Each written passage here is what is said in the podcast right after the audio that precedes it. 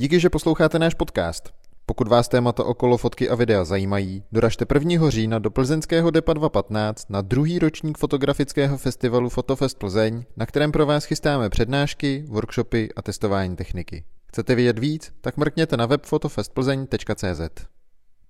Tak, dobrý den, čau, ahoj. Dneska si budeme povídat trošičku o technice, a konkrétně o Sony. Já tady mám Davida Kašpárka. Davide, čau. Čau. Kubo. Jak se máš, jaká byla cesta? Hele, super, protože jsem z Prahy, tak jsem, jsem byl asi za 15 minut, takže jsem měl jednoduchou cestu. Myslím, že z Plzně to bylo asi trochu horší. Jo, jo, já jenom pro lidi ještě řeknu, že jsme v novém mockup spaceu v Praze.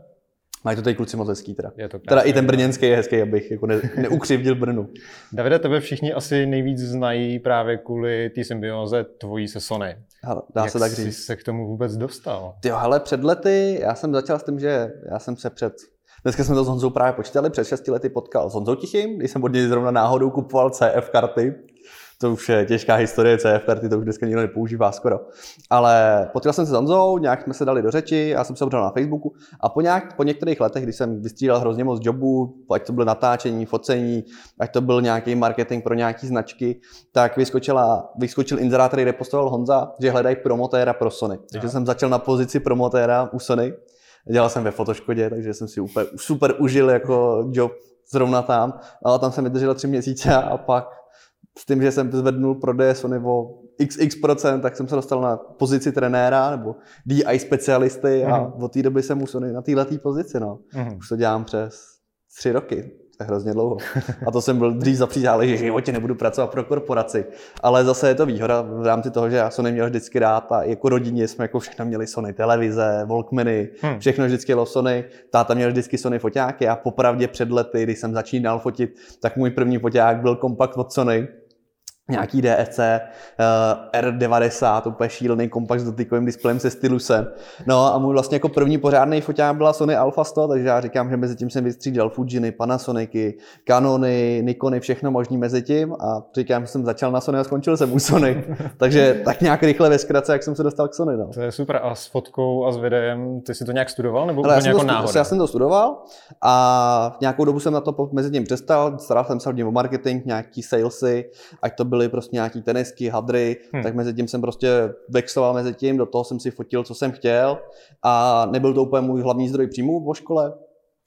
Pak bouchlo tohleto, tak teď vlastně to mám úplně 50-50, jak Sony, takže pro ně školím, děláme pro ně akce, workshopy a nebo fotím a natáčím, takže teď se hodně staráme o natáčení, zaštiťuju produkci a teď hodně i třeba režíru. Hmm. Takže To tady mám jako další otázku, protože když jsem se připravoval, tak jsem samozřejmě koukal i na tvůj web do BIA jasně. a zjistil jsem, že jsi jako by fungoval i na docela velkých placech. A uvádíš tam, že jsi dělal něco v Casino Royale. tam jsem jako pobíhal, tam jsem byl hodně malý třeba, takže ale je to vždycky dobrý jako do, do, doby a jako reálně pořádnému filmu jsem se dostal před lety přes nějaký filmový tábor, a to jsme dělali, to vždycky rád hrozně uvádím, jsem dělal na nejhorším filmu, který Mirka spátila a ohodnotila 0%, ale je to takový zrovna dobrý iceblocker a myslím, že nemůže nikdo jen tak říct, že dělal na nejhorším filmu v České republice, za který jsme do dneška nedostali zaplaceno teda, ale má krásných asi 2,5% na CSFD, možná ještě méně.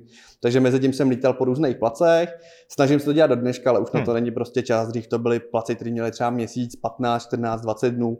A člověk tam fakt jako byl prostě od rána do večera a s tím, že mám v podstatě jako reálně stálou práci, kdy v pro Sony vlastně funguji celý týden a mezi tím si můžu něco dělat svý jako věci, když mám čas, tak už to není úplně tak možný. Takže teď už se spíš starám o to, že krom těch velkých placů se snažím jet si menší věci, které si můžu zastítit úplně celý sám, Hmm. hmm. abych si v rámci toho mohl připravit čas, sehnat si na to lidi, když potřebuji. To můžu říct, že jsme třeba teďka dělali poslední dvě kampaně pro Equabank, které běžely vlastně na socialu, ať to byla vánoční kampaň nebo teďka jarní kampaň, tak tam jsme to vlastně já zaštiťoval celý vlastně od pro- produkce, preprodukce až po postprodukci. Mhm. Takže sehnat lidi, naplánovat scénář, vymyslet ten koncept, tak jsme tohle dávali dokupy třeba s klukama z RMu.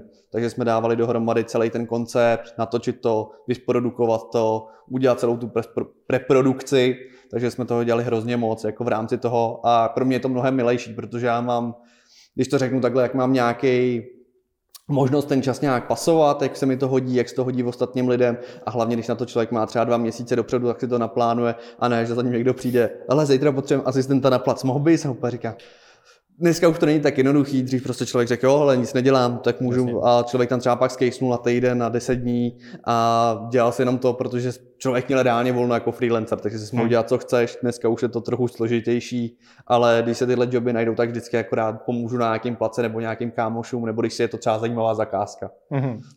Já jsem koukal, že ty děláš fotku i video. Mhm. Co víc? Hele, loni to byla víc fotka, letos je to víc video. Já se to snažím ty roky vždycky střídat, protože uh, když to člověk dělá hrozně dlouho, tak mi to třeba přestane, jako úplně to nenaplňuje tolik. Tomu rozumím, no. Takže Takže tu se- inspiraci někde asi taky brát. Přesně a ono se to tak. docela dobře i přenáší, předpokládám, jakoby z fotky do videa. No jasně, no. že? Hele, bo- vý- výborně se na tom recyklují lokace. Ty, co lokace si najdu na natáčení, použijeme na natáčení, tak vím, že za rok na nich budu třeba fotit, protože zase ten produkt, nebo co se nám natáčí, tak už dávno vyčpilo a Hmm. může to využít znova.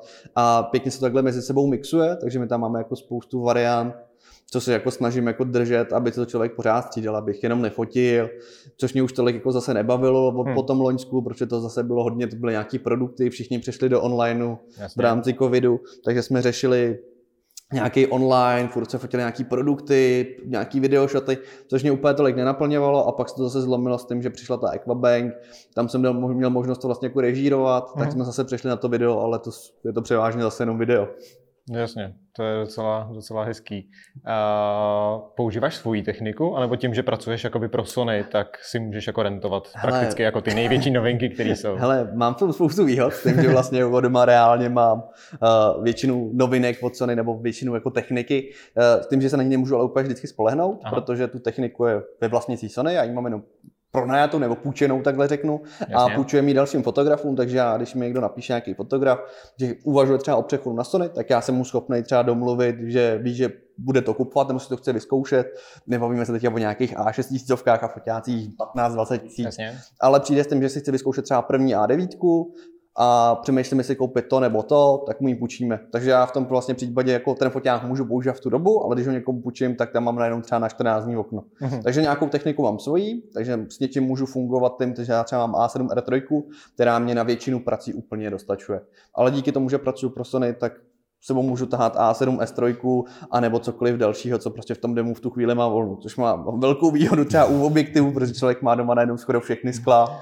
Takže Jasně. já jsem tak jako zahejčka nejdřív jsem říkal, jako když jsem přecházel na Sony, ještě jsem nebyl v té pozici, že bych měl techniku doma, tak jsem měl jeden foťák, jeden objektiv, říkám super, po přechodu z zrcadlovky mám lehký setup, dneska v tom batohu tahám mnohem víc věcí, než jsem nosil kdy dřív a nevejdu se pomalu do 60 litrového fotobatohu. No. My jsme tady teďka měli zrovna Milana Řískýho, který Mhm. fotí koncerty a ten je přesný tvůj opak, ten říkal, že sebou nosí jedno tělo a dva, dva objektivy, takže Ty, to bych si na koncertech úplně netroufnul, ty, vole, to já na koncerty nosím Bčku tělo, když jako jdu fotit zrovna. takže jsi prostě z té druhé kategorie těch fotografů, který prostě sebou myslím, všechno. přesně. Hele, nikdy neví, kdy se to bude hodit. Jako mě stačí jenom v tom, že mám vůbec jako jaký zapínací pitlík na kabely a mám tam jako všechny kabely od všech možných, ale to už je spíš i taková degenerace spíš z toho natáčení, že prostě když ti to na tom place chybí, tak je to průser. No. Což můžu potvrdit a pamatuju si, že jednou jsem mi těmi zachránil život Jo, to byla na, já. na výstavě, kdy, kdy nám lehly prakticky všechny počítače, ty jsi byl jediný, kdo ty nabíječky fakt sebou měl a dokázal nám trošičku nějak. Ale tak on ten batoh můj taky jako, já jsem člověk, který když je na letišti, tak si nenechávám nikdy vážit příruční zavazadlo, protože by se mi to většině značně podražilo a hlavně s tím, že já nedokážu cestovat na lehko. Hmm. I když jsme jeli do Skotska na West Highway trek, což byl prostě jeden z nejvyšší, nej, jako velkých treků, co vůbec ve Skotsku jsou, tak taky prostě drona, foťák, čtyři objektivy, nabíječky, baterky, externí baterky. Jsem měl jsem toho kvanta, říkám, to jo, tak jsme letěli, jsme tam, můj batoh vážil asi 35 kg, ten trek měl asi 100 kiláků, který jsme ani nedošli, protože to nešlo. A vraceli jsme se a ten můj batoh měl 45 kg. Říkám, kde jsem to pro boha nabral? A to jsem jako nevesnice jako zpátky, jako navíc, takže říkám, Kamínky. kamínky, hele, podle, podle mě vybitý baterky váží víc než nabitý. Hele, ty už si nakousnul různý žánry, který děláš, a co se týče třeba té reklamy, ale teď Mhm. jsem mluvil i o koncertech. Na co se tak jako nejvíc zaměřuješ? Já třeba podle toho, jak tě sleduju Mhm. mm. na sockách, tak fotek z koncertů, když teda koncerty jsou, tak vidím poměrně dost. A věc druhou, kterou jakoby si spojuju s tebou, je architektura, Mhm. protože ta tě asi baví hodně. Hele, jako já jsem vlastně, když byly koncerty, tak jsem fotil hodně pro Full Moon, mm. takže jsem fotil pro ně koncerty, to, co mě bavilo, protože spousta lidí bere třeba koncerty, myslím, že to je job, takže jdou nafotit prostě 10 koncertů za měsíc, aby zaplatili nájem, zůstali jim nějaký peníze, mm. co si vydělal. S tím, že to pro mě není vlastně jako hlavní část příjmu, tak já si vybírám jenom koncerty, které mě zajímají, nebo interprety, které mě baví, takže já si dám na ten koncert suverénně, co jdu spíš užít a Jasně. pak ho jdu nafotit. Uh, takže hodně jsme fotili koncerty, takže ať to byly velký kapely nebo i malé skupiny, prostě kdy jsou to nějaký malý kluby, kam se vejde 50 lidí, hmm. anebo třeba O2 Arena, vys třeba uh, Typ Sport Arena, kde jsme fotili třeba, teďka aby mi to vypadlo, uh, Hollywood Undead, a nebo v rámci toho uh, Fórum Karlín a nějaký velký, ale reálně u těch velkých akcí a u velkých koncertů je hrozný problém, že člověk reálně se dopředu neví, jak ten fotopit vypadá, hmm. takže nevíš, jestli budeš pod kapelou, jestli budeš stejný ve stejný úrovni, jestli budeš mít, kolik místa tam vůbec bude a na jak dlouho tě tam pustí. Hmm. Protože u spoustu koncertů je problém, že oni ti řeknou, jo, můžete tady být na dvě písničky, na první a druhou tam je největší problém, že první a druhou písničku se většinou kapela rozjíždí, takže se tam na pódiu většinou toho neděje, není tam nějaká k tomu velká show a pak je člověk hrozně omezený, že buď to musí fotit z nějakých vochozů nebo od někud jinat a musíš si začít vymýšlet nějaké kompozice. Eh, potom, když člověk odfotí nějakých 20-30 koncertů v nějakých různých místech, tak mě ty kompozice vidí. Já vím prostě třeba, že v Roxy mám prostě čtyři místa, kam si můžu dojít a vím, že tam tu fotku vždycky vychytám dobrou. Ale jak si říkal, že spousta lidí, že si vezme jeden foťák, jedno tělo, já reálně musím mít dva, protože musím switchovat mezi nějakým dlouhým objektivem 85-135 hmm.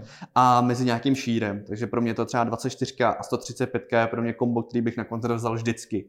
A fotit u těch koncertů, to je hrozně jako mě to baví tohleto. Hmm. Ale s tím, že už roka půl nebyl žádný koncert, tak mezi tím jako přesvědčoval na něco jiného.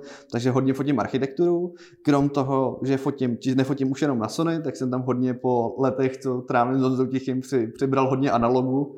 Takže za poslední rok se mi nakupilo pár analogových foťáků, takže fotím do toho ještě s analogem na středoformát a fotím hlavně tu architekturu a nejvíc mě zajímá brutalismus. Takže na tom brutalismu, i pak, když se člověk podívá na mě, jak vypadám, tak eh, je to pro mě hodně srdcový téma hmm. a mám to hrozně rád, takže vybírám prostě lokace i v rámci toho focení, aby to bylo nějak s tím brutalismem spojený, anebo se za něj snažíme jako v rámci toho postavit, třeba když někdo dělá nějakou kampaň, za to zachráníme něco, uh-huh. nebo to tak si většinou snažím třeba, když ty fotky mám v archu, tak jim je poskytnu zadarmo, protože to většinou měli bychom si tuto tu architekturu chránit a zase tolik není a už se prostě tak nedělá v tom veřejném prostoru. Máme tady krásné skleněné kostky a tím to hasne, no. Je to tak, no, tak teďka asi nejvíc jako zmiňovaná brutalistní architektura je uh, termál, že? No jasně, no. Ten uh, termál třeba jsem si jako nechával vytetovat i v rámci toho. Je to jedna z výborných uh, staveb vůbec od Machoninových, hmm. která se hrozně povedla, ale je tam prostě problém s tím, jak to nejenom patří vládě, tak to půjde do kopru. Takže... Říká se, že všechno, co je státní, Víme, jak to, jak to dopadá, no, jako stačí o tom, jak dopad bazén, jak dopad vršek termálu. A když se tam člověk jde podívat jako mimo sezónu, kdy jsme vlastně, já jsem byl minulý rok na podzim a když tam člověk podívá, tak je to v podstatě jako není to mrtvý město, jako hmm. pořád tam i něco, že když byl covid, bylo prostě jaký tam mezera, když najednou člověk ještě, ještě fungovaly nějaký hospody, něco se dělo, ale je prostě problém, jak člověk leze do toho termálu, tak vidí, jak je to zašlý, jak prostě ten opět umírá o sobě. Super, že tam jsou všude vylepeny nějaký hnusné reklamy, s tím, že ta architektonická budova byla dotažená do detailů a byl tam prostě výborný, že byly všechny ukazatele, všechny světla vedly tak, aby se dostal z bodu A do bodu B jenom podle světel. A teď tam vidíš prostě navrtaný zářivky a takovýhle dobyt čárny a člověk na to pak kouká, kouká prostě na ty zašlý okna, za ním prostě tam hníjou ty originální křesílka červený a je to smutný jako v rámci je, toho. No. no. Je. Hele, když se teďka přesuneme zpátky trošičku k technice, mm-hmm. ty si nám sem přines ukázat dva foťáky, je jich samozřejmě jakoby mnohem víc, který Sony ukázalo v mm-hmm. poslední době. A pokud bych se chtěl přesunout k Sony, mm-hmm. nemám vlastně jakoby vůbec nic, tak asi se budu rozhodovat nejdřív podle těla, podle nějaký úrovně. Jasně. Já jsem koukal, že těch těl vy teďka máte nějakých pět v té řadě. V, mezi A7, dá se tak říct, vlastně Sony drží na tom trhu skoro všechny modely, nějaký mm. jsou už end of life pro letošek, protože nám to posouvá. Měli jsme tady první A7, což byl furt jeden z nejlevnějších full frameů, co si vůbec člověk na trhu mohl koupit. Z novějších nebudu počítat nějaký úplně šíleně starý stroje. Hmm. I když to nebyl úplně nejnovější model, tak měl velkou výhodu to, že ty si za nějakých 22 tisíc mohl koupit nový full frame, což bylo najednou pro spoustu lidí otevřený dveře. Když si vezmeme pár let zpátky, kolik stál prostě full frameový foťák, tak na to spousta lidí dneska nedosáhla. Jasně. Dneska člověk si šáhne na ty profesionální funkce, které máme v těch nejvyšších modelech, jako je třeba pro nás A1, což je vlastně náš největší uh, úplně top tier, co vůbec jsme v těch fotografické technice máme, tak tam prostě máme pořád model i pro ty fotografie, co budou začínat, ať se jedná právě o těch A7, kde většinou fungujeme v tom, že to je vždycky vyvážený model, protože mezi Sony, kdo aspoň trochu ví, tak máme SK, RK, devítky a ještě teďka jedničku, takže už toho máme hrozně moc, ale máme tam velkou výhodu s tím, že tam je vždycky vyvážený model, který má trochu od videa i od, tý, od toho vysokého rozlišení, uh-huh. takže si tam člověk najde nějaký univerzální foťák. Ať je to právě A7 3, což je nebo A7 řada, což je většinou vždycky 24 megapixelů, full frameový snímač, od 7 dvojky, stabilizovaný snímač a snaží se to dostat. A je to takový vyvážený model, který je většinou docela dostupný těm lidem. A7 3 je jeden z nejoblíbenějších foťáků vůbec jako na trhu, co já vím, v rámci cena, poměr, výkon, kvalita, to, co ten foťák umí, co poskytuje, že, člověk, že spousta lidí pořád používá na natáčení anebo na focení, že to je pořád takový univerzál a je toho hrozně moc. Loni vlastně k nám němu přibyla A7C, který máme tady na stole. Mm-hmm což je takový zmenšená verze A7 Compact a byla hlavně stavená zase pro lidi, kteří třeba cestují, nepoužívají tolik hledáček, takže hledáček se přesunul do boku, ten foťák se zmenšil, ale má vlastně všechno, co má A7 III, takže máme tam velkou baterku, máme tam hledáček, výklopný displej, stabilizovaný snímak, jediný, co, co to akorát přišlo, má to už jenom jeden slot na kartu, nemá to dva zase v rámci velikosti, ale máme díky tomu takovouhle malou krásnou cihličku, která je stejně velká jako naše APS-C. Takže člověk si tam velice jednoduše dokáže vybrat podle toho, co potřebuje, ať to je to velikost, profesionalita, vezme A7C, třeba nezajímá ho velikost, ale chce zase rozlišení a chce normální foťák, vezme A7R, kde máme tři foťáky, A7R2, R3, R4, takže si člověk vybere od 42 megapixelů po 61, anebo pokud se rychlí foťáky, máme tu zase A9, což jsou vlastně foťáky stavený pro sportáky, anebo pro lidi, kteří vidí, co od toho foťáku očekává, protože mají extrémně rychlý přepočítávání ostřícího mechanismu, na 20 snímků plus za vteřinu bez blackoutu, takže člověk vidí nepřetržitě, co se děje a hlavně precizní ostření. A9 mají třeba krom sportáků, je to foťák, který byl postavený pro ně, ale milují ho třeba svatební fotografové nebo portrétní fotografové, protože ten foťák dokáže velice dobře trekovat obličej, oči a je naprosto tichý, takže na svatbě člověk najednou neruší, a může s tím fungovat v naprosté tichosti a hrozně lidem to otevře další dveře uh, při tom focení, že najednou můžou fotit úplně jinak. Hmm. Takže spousta lidí, co třeba switchovalo z jiných značek, tak switchlo třeba na A9 a jsou s tím spokojení. Zmenšili oproti, bez, oproti zrcadlovkám se docela zmenšili, ušetřili ruce, záda a najednou mohli otevřeli si další dveře zase v té kreativitě, že najednou můžou fungovat jinak, nemusí se spolíhat na to, že musí nafotit tři fotky, jedna z toho bude dobrá. Tady, když budou vidět, jak mají ten foťák mít správně nastavený a jak s ním fungovat, tak nebude prostě problém. No. Mm-hmm. Takže ve výsledku se prostě dá říct, že pokud vím, co od toho foťáku chci, tak si vyberu vždycky. Přesně. Pokud to nevím, tak si vyberu podle toho, jaká cenová hladina Přesně, je pro mě co, zajímavá, zajímavá, a ve výsledku, jakoby, jak se učím, tak můžu pokračovat, pokračovat dál, dál, a dál. Hele, jako reálně dneska už u toho, u, u Sony, no, dřív jsme prostě měli tři full frameové foťáky, když to vezmu úplně od první řady, měli jsme první A7, A7R, A7S. Hmm. Buď to si fotil a chtěl si univerzál, chtěl si fotku, chtěl si třeba produktovou fotku, potřeboval si víc megapixelů, bylo tady R, chtěl si video, měl jsi S. Dneska už se to trochu víc nabouralo, máme těch modelů mnohem víc a přibyly nám tam exportovní řady, tak ty A, třeba A1, což byl zase ten nejvyšší model, který má spoustu novinek, ale reálně tam člověk už vybere úplně od čehokoliv trochu. Velká výhoda, že jako Sony vlastně vyrábíme velké kamery, Mm-hmm. Takže tam člověk vybere třeba i v té mid profi úrovni až úplně po tu profi, kde je třeba Sony Venice, na kterou se točili poslední Spider-Mani. Jasně. Co se týče objektivů, tak v tu chvíli, jakoby, kdy do toho vašeho ekosystému přijdu, pořídím mm. si na začátku nějaký objektivy a třeba upgradeu na nový foťák, předpokládám, že máte asi stejný mount, můžu tím nějakým způsobem jakoby procházet? Přesně nebo... tak. Uh, Sony jede s technologií nebo strategii One Mount, s tím, že vlastně ať vezmu náš nejnižší foťák, což je pro nás třeba A6000, malý kompa, no, kompaktní uh, eh, APS-C foťák, což je vlastně ve stejné velikosti jako je ta A7C, co tu máme, Jasně. tak je tam stejný E-mount, jako máme třeba na A1 nebo na Sony Venice. Takže vlastně reálně tím, já můžu vzít seťák z toho nejmenšího objektivu, uh, nejmenšího foťáku a dostat to až na tu nejvyšší kameru. Takže všude vlastně jsou stejné mounty, ať jsou to ty mid profi kamery, ať jsou to velký foťáky, tyto A1 nebo všechno, tak je tam výhoda té kompatibility mezi sebou. Velká výhoda toho je, že Sony nemá žádný žádný rozdíl mezi bajonetama, ať je to APS-C nebo full frame, takže já můžu vzít APS-C objektiv, dát ho na full frame mm-hmm. a ve full frame si přepnu do APS-C, anebo zase naopak, že můžu vzít full frame objektiv a používat ho na APS-C. No, tohle je strašně super, že jo, ve chvíli, kdy prostě upgradeuješ jakoby tělo, tak Přesně tak, nemusíš okamžitě ti to... odpadnou jakoby ty investice hned do objektivu. To je třeba i výhoda zase, když člověk přechází z jiného systému, tak Sony je v tomhle tom hrozně otevřený pro ostatní značky a dá se spousta objektivů používat přes redukce. Hmm. Takže člověk reálně, když budeme přecházet třeba z Canonu, tak může používat prostě redukci a může si ty skla nechat. Ale po, těch, po nějakém čase stejně člověk pochopí, že přejde do toho ekosystému kompletně, protože mu to přináší mnohem víc funkčnosti, rychlosti a 100% jistoty, že to hmm. vždycky bude fungovat tak má. Prostě jak najednou máme, když to řeknu takhle, máme foťák od jedné značky redukci od další a foťák od další, tak jsou tam najednou tři proměny, co může nějak fungovat nebo nemusí, ale většinou se stává, že ty, fotě, ty objektivy ze zrcadlovek fungují na těch bezrcadlovkách mnohem líp, protože ty bezrcadlovky nemají žádný dopočítávání, kde je ostřící snímač hmm. a jak jsou ostříci bude přímo na snímači, tak jsou mnohem přesnější a i mnohem rychlejší. Ale jak říkám, je to zase model od modelu redukce od od redukce a firmware od firmwareu. Takže on je to hrozně proměnejch. No. Jasně. A teď jsme se bavili o tom, že jakoby třeba těch sedmiček je jakoby x různých mm. modelů. A teď jste představili A1. Mm-hmm. To je vlastně, jakoby, jestli to chápu dobře, kombinace vlastně toho nejlepšího ze všech Přesně tak, jsou to vlastně kombinované všechny tři naše nejvyšší modely. A9 mm-hmm. 2, kde máme rychlost, tichost, preciznost, A7S video, který máme zrovna třeba A7S 3 máme tady na stole hmm. a A7 R4 zase s rozlišením.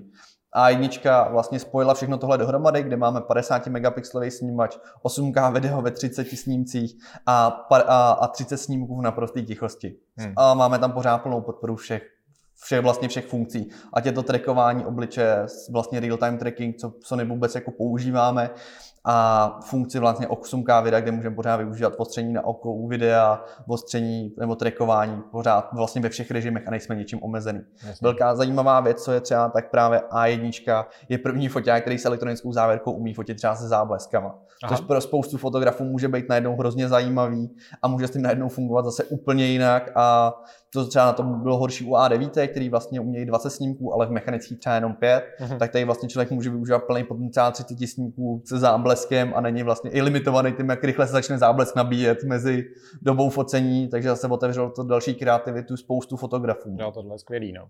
Takže dá se říct, že A1 je prostě jakoby řešení, ultimátní řešení pro profíky. Pro no, hele, reálně i my vždycky říkáme, to fotá pro toho člověka, který ví, co od něj očekává, uh-huh. anebo pro bohatýho hobíka, který si chce udělat vždycky radost.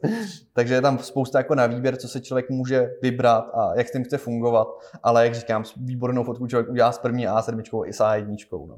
Tak říká se, že nejlepší fotku uděláš s fotákem, který máš zrovna u sebe, že To je taky další věc, no. To si pak člověk vždycky zvykne, že něco tahá u sebe a nedokáže jezdit bez fotáku nikam, no. Hmm. Já jsem koukal třeba u té A1, že ji vlastně jakoby dokážu připojit normálně přes Ethernet mm-hmm. do routeru a vlastně Jasně. odesílat okamžitě. Můžeš, okamžitě použít, můžeš všechno tahat normálně přes FTP, ať máš dálený server, Sony k tomuhle tomu má dokonce uh, aplikaci, která se jmenuje Tagging Aha. od Imaging, uh, Imaging Edge Tag On, tak uh, reálně ty v reálném čase můžeš stahovat na pozadí toho foťáku fotky do telefonu, můžeš je odesílat vlastně kamkoliv chceš. Ať je to vzdálený úložiště, ať je to nějaký cloudový drive pro někoho, takže pokud třeba fotíš, dejme tomu pro nějakou pro, pro produkci nebo pro nějakou re, ne, realitku, pro nějaký třeba sportovní tým, který potřebují ty fotky, co padne mm-hmm. gol, potřebuje hned sortovat na sociální sítě, Instagram, všude, tak ty máš vlastně možnost toho foťáku rovnou tahat zmenšený fotky rovnou do telefonu, který můžeš odesílat kamkoliv bez toho, aniž by si vůbec musel s tím foťákem něco dělat. Dá se tam nastavit tak, že se to rovnou stahuje, taguje, anebo se může pak zpětně vybírat na tom telefonu a pošleš jenom to. Velká výhoda vlastně Ethernetový vstup má jak A9 první, druhá, tak právě i A1. Takže ty hmm. tam můžeš vždycky píchnout klasický Ethernet a tahat to buď to na vzdálený úložiště, nebo pokud třeba fotíme, dejme tomu v nějakém ateliéru, budeš mít vzadu klienta, tak můžeš to stahovat na nějaký mezi úložiště, odkud se mu budou rovnou zobrazovat náhledy a retušer to už může rovnou tahat a může na to házet nějaký preset nebo nějaký základní úpravy, aby rovnou klient viděl, jak to funguje. Takže tam je zase hmm pro toho profíka ta největší otevřenost v tom, že z toho foťáku ty data dokáže dostat hrozně moc způsobama. Ať je to právě přes Ethernet, přes Wi-Fi, ať je to vůbec při stahování v reálném čase, ať to má přes hotspot nebo přes co chce, tak má nejenom hrozně moc variant. Ať je to přes USB-C, tak má tu variantu. A pokud ten foťák nemá Ethernet, tak třeba A7R4 nebo A7S trojka, tak fungují přes USB-C na Ethernet adaptér. Uh-huh. Takže reálně z toho USB-C dostaneš ještě ty data stejně i když ten foťák ethernetový výstup nemá.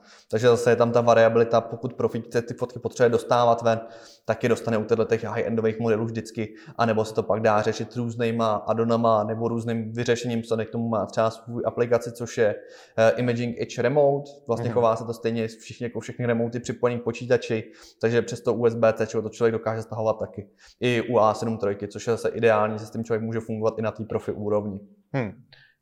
Koukal jsem, že foťáky nejsou úplně to jediné, co teďka vyšlo. Máte tam i nějaký nový objektivy. Řekneš nám k tomu něco? Hele, vyšly nám tam, za poslední dobu nám tam vyšlo hrozně moc objektivů. Uh, vyšla nám tam 14, 1.8 GM, což vlastně GM třída je ta naše nejvyšší vůbec. Jasně.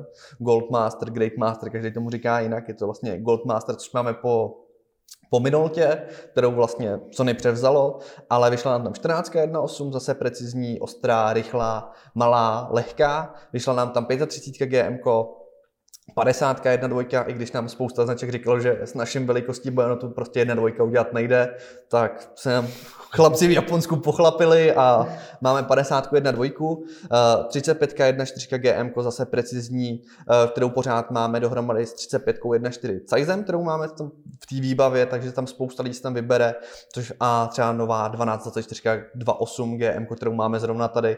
Hmm. Je tam zase velká výhoda, že Sony fakt už ty objektivy tlačí hrozně dopředu, aby jsme jich měli reálně co nejvíc, ale taky i v rámci té kvality co nejvyšší. Ty GM jsou vlastně úplně ta naše nejvyšší řada a jsou broušený na mnohem větší megapixely, než vůbec jsou teďka dostupní ve foťácích. Takže Sony i do budoucna plánuje, že ty foťáky budou narůstat megapixely a spousta těch objektivů je broušená nad 150 megapixelů. Jasně. Takže reálně vyjde nám foťák třeba za dva roky, bude umět 120 megapixelů, dvojnásobek toho, co R4 teďka a člověk na nich může pořád používat tyhle objektivy bez žádného ztráty kvality nebo mm. nějakého poškození toho obrazu, s tím, že ten čip má mnohem najednou vyšší výkresovou kvalitu, než měli generace předtím, což je zase zajímavý pro spoustu lidí, že ta technika je do budoucna mnohem víc eh, plánovaná, než si člověk myslí. No. Hmm. Krom toho jsme vlastně ještě u těch objektivů, tak nám vyšla třeba malá G řada, kde nám vyšly takový zajímavý objektivy, máme 50 2,5, 40 2,5 a 24 taky 2,5. Jsou to takovýhle malý objektivy, ty pancakey zase byly hodně stavený, protože na to A7C kompakt, takže zase člověk, když si koupí malý foťák, nechce tahat velký skla vlastně. a nejde mu třeba tolik osvětelnost, je cestoval, chce mít malou 50 nebo malou 24, má tu možnost si vybrat to, co chce v těch hmm. velikostech i v těch průměrech že si člověk dokáže velice, velice dobře přizpůsobit tu variantu, ať máme heavy setup, lehký setup, světelný setup, člověk má hrozně moc variant, jak si to chce vybavit. Je to prostě jenom o tom, co chceš. A to Přesně tak. Jako a podle toho si postavíš ten setup. Znám spousta lidí, co mají třeba na svatby, mají si jedna osmičkový setup, pak na volnou tvorbu, nebo zase nebo pak mají jedna čtyřkový, že si s tím třeba nechtějí tahat, tak máš prostě na, tu, na výběr, co si vezmeš, jestli hmm. chci jedna osmičkový sklo nebo jedna dvojkový. Takže hmm. třeba u té padesátky si najednou člověk vybere ze čtyř v objektivu reálně. Což je docela zajímavý už, protože to je všechno nativní a je to normálně nějaký objektiv. Což hmm. pro spoustu lidí může být zajímavý zase. To stoprocentně. Hele, Sony poslední dobou toho udělalo opravdu jakoby hodně. Ten krok tam byl asi obrovský, nebo aspoň tak to vnímám já hmm. zvenku. Ty se v tom pohybuješ každý den, ale asi to vidíš taky.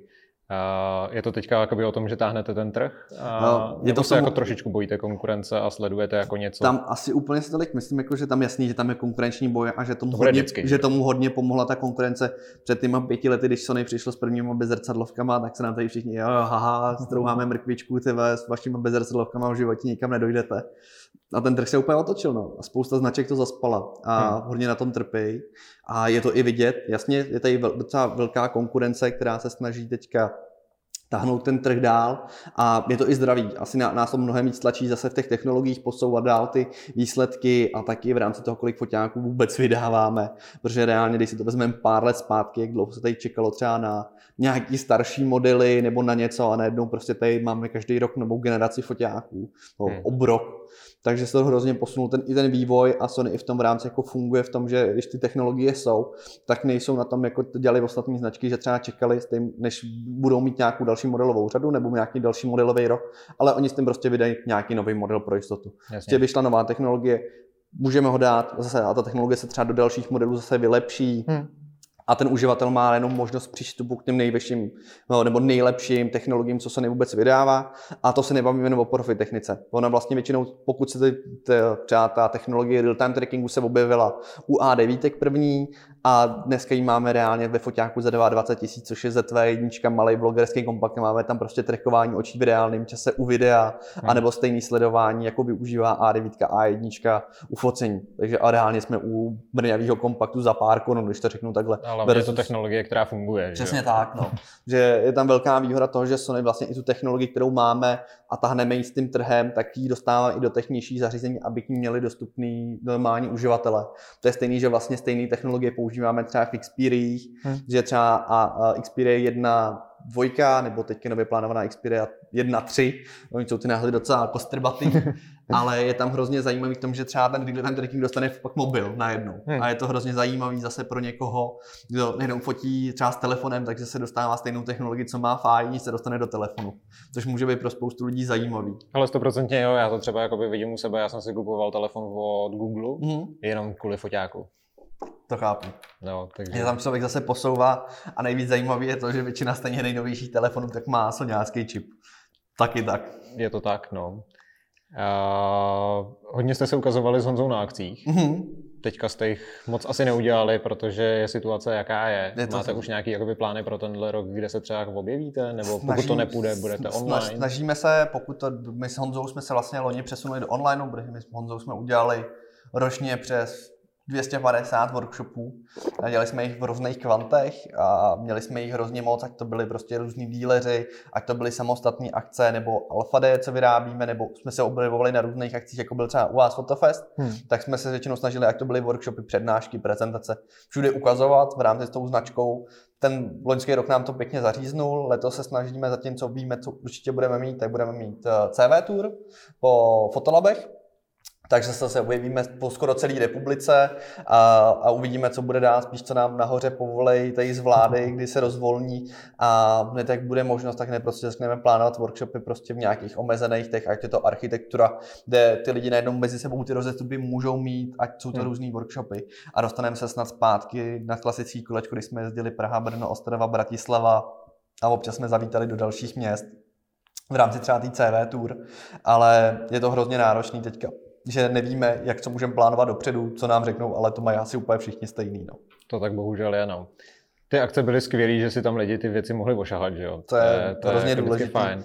A je to vidět i na tom, prostě, že ty lidi byli zvyklí na to, že si prostě, když vyšel nový model, tak prostě věděli, že si můžou ten foťák za, dejme tomu teďka A1, která stojí 180, 190 tisíc, tak eh, nekoupí si to člověk z plezíru úplně, když to řeknu takhle. Pokud to není člověk, který si o tom načet a ví, že 100% chce ten model, měl třeba A9 a chce hmm. udělat mnohem větší krok, větší upgrade, tak prostě pro spoustu lidí je fakt ten dotek toho foťáku, nebo aby se ho vyzkoušel, hrozně důležitý. My se to snažíme nějak kontrolovat v rámci toho, aspoň na nějaký osobní bázi, ať já se potkávám s fotografama, mluvím s nima, to samý Honza nebo ostatní od nás vůbec ze Sony týmu a snažíme se jako aspoň fungovat s těma lidma trochu takhle, ale nejde to dělat v takové kvantitě, jako bylo na workshopu, že člověk prostě byl na stánku a člověk tam ten foták prostě mohl půjčit, vyzkoušet, hmm. zkoušel si, podíval se na ty funkce, co chtěl a teď je prostě to blbý s tím, že těch modelů zase ne, my toho, toho dema nemáme tolik, aby jsme ho prostě dokázali půjčit úplně všem.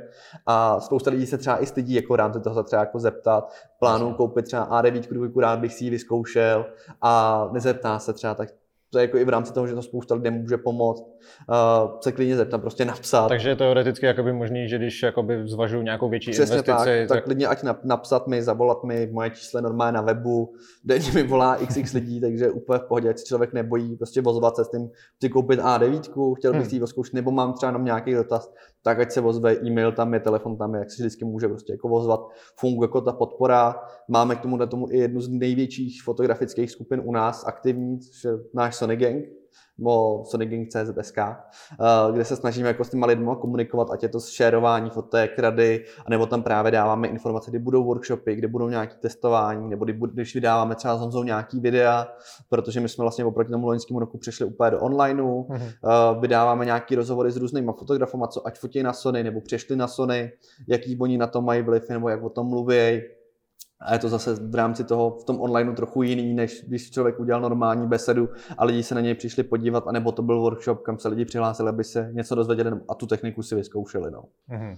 Pracujete třeba i jakoby mimo ty workshopy třeba s nějakýma ambasadorama? Uh, v tomhle tom je hodně, Sony jako hodně striktní. My vlastně máme vždycky pro každou zemi většinou jeden ambasador Aha. podle velikosti. Pro nás je to Honza Tichej, který vlastně funguje čistě pro Česko a Slovensko. Aha. Takže to je náš vlastně jako oficiální jediný ambasador, ale máme spoustu fotografů, s kterými spolupracujeme, jako je třeba Honko, jako je třeba Kuboj zprávě, s kterým hmm. taky hodně fungujeme, ať se objevují na dalších našich akcích, anebo spoustu dalších takhle fotografů, s kterými napřímo spolupracujeme, nebo fotí na Sony a osloví nás v rámci toho, že by chtěli udělat třeba workshop a chtěli by tam těm lidem dopřát v rámci toho, aby si třeba vyzkoušeli tu techniku. Jsou to lidi třeba, kteří uvažují nad koupy, toho, nad koupy Sony techniky, tak s nimi třeba uděláme nějaký workshop. Mm-hmm. Pokud to funguje a víme, že ty bude fungovat do budoucna, tak s nimi takhle můžeme fungovat dál a můžeme jim třeba nabízet to, že na tom workshopu, co oni udělají, tak jim pomůžeme třeba s tou technikou, Jasně. si tam dojedu, otevřu kufry, nabídnu lidem, co budou si chtít vyzkoušet, zase pak jdu zpátky.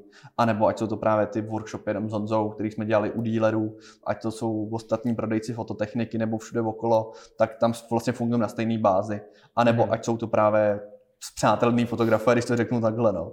Ale jak říkám, prostě u Sony je to tak, že podle těch zemí máme většinou, podle velikosti země nebo toho klastru, tak máme určitý počet ambasadorů a vlastně pro Česko a Slovensko to je u nás třeba jenom Honza. Mm-hmm. Jsme zase malá země, Jasně, Německo má třeba, abych teď nelhal, tři nebo čtyři ambasadory, ale jsou zase mnohonásobně větší než my a představa, když bych teď jenom zapátral, zapátral byli bychom s Honzou reálně jako pro Německo a představa, jako, že budeme jezdit Berlín a Mnichov, Hanover a všechny tyhle ty města města, tak myslím si, že bychom asi jako zešíleli z toho. Jo, to se nedá zvládat samozřejmě. Přesně. Ale napadla mě taková otázka, dá se třeba ta technika jakoby někde oficiálně od vás rentnout? No, to úplně nedá. My vyloženě fakt fungujeme jenom s těma fotografama nebo s lidmi, kteří o té technice uvažují, že si ji pořídějí. Uh-huh. Jasně je tady spousta velkých foto-video rentálů v České republice, kde ta možnost je. Těch Sony foťáků mají hodně většinou. Uh-huh. Takže bohužel přes Sony se úplně nedá jako to, že plánujeme, nebo plánujete nějaký velký projekt, potřebujeme ten foťák třeba na dva měsíce, nějaké možnosti tam u nás jsou, když to máme nějaký výstup, ale úplně to není pro nás ta úplně ta nejprioritnější věc. Je to pro nás spíš to, že ten zákazník, když si to pořídí pak. Takže pokud se to nedá, nebo pokud uvažuje o té koupit, tak jsme mu snaž, snažíme se víc stříct tomu zákazníkovi, že si může, když tak od nás tu techniku počít na nějakou dobu, hmm. aby si ji zkoušel. Pokud jde právě o koupy, ale úplně, aby si ji počítal třeba na zakázku, tak tak úplně nefungujeme. No. Jasně. Mně se často stává tím, že děláme světla a mhm. fotografové okolo nás prostě se Sony pracují hodně, tak se mi často stává, že se na nás občas někdo obrátí i třeba co se týče nastavení. Mm. No, protože ve chvíli, kdy pracuješ s bleskem, tak se docela hrabeš i jako v nastavení toho foťáku, aby si pochopil, jak to funguje a tak. Máš třeba, řeknu, nějaký jako tři základní typy, co je jakoby dobrý na té sonce jako nastavit. S bleskem.